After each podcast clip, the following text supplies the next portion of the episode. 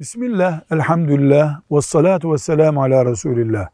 Bir ablamız bir evde sohbet dinlerken sohbet yapan kişi demiş ki Resulullah sallallahu aleyhi ve sellemin yüzü o kadar nurlu idi ki bulunduğu odayı aydınlatıyordu.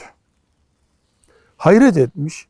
Yani projektör gibi ışık veriyordu anlamında söylemiş. Cevap olarak bu kardeşimize deriz ki bu bir yanlış anlatım.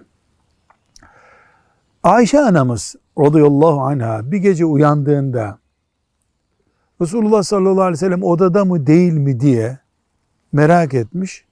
El yordamıyla arayarak onun nerede olduğunu bulmuş yatağın kenarında. Resulullah sallallahu aleyhi ve sellem Efendimizin yüzü ışık saçıyor olsaydı uyandığında Ayşe anamız onu görürdü. Evet ashab-ı kiram Allah onlardan razı olsun. Efendimiz sallallahu aleyhi ve sellemi tanıtırken yüzü ay gibi parlaktı diyorlar. Sanki güneş ışığı yansıyor gibi diyorlar. Ama bu mübarek yüzü parlaktı. Yüzü parlak bir insandı demek bu.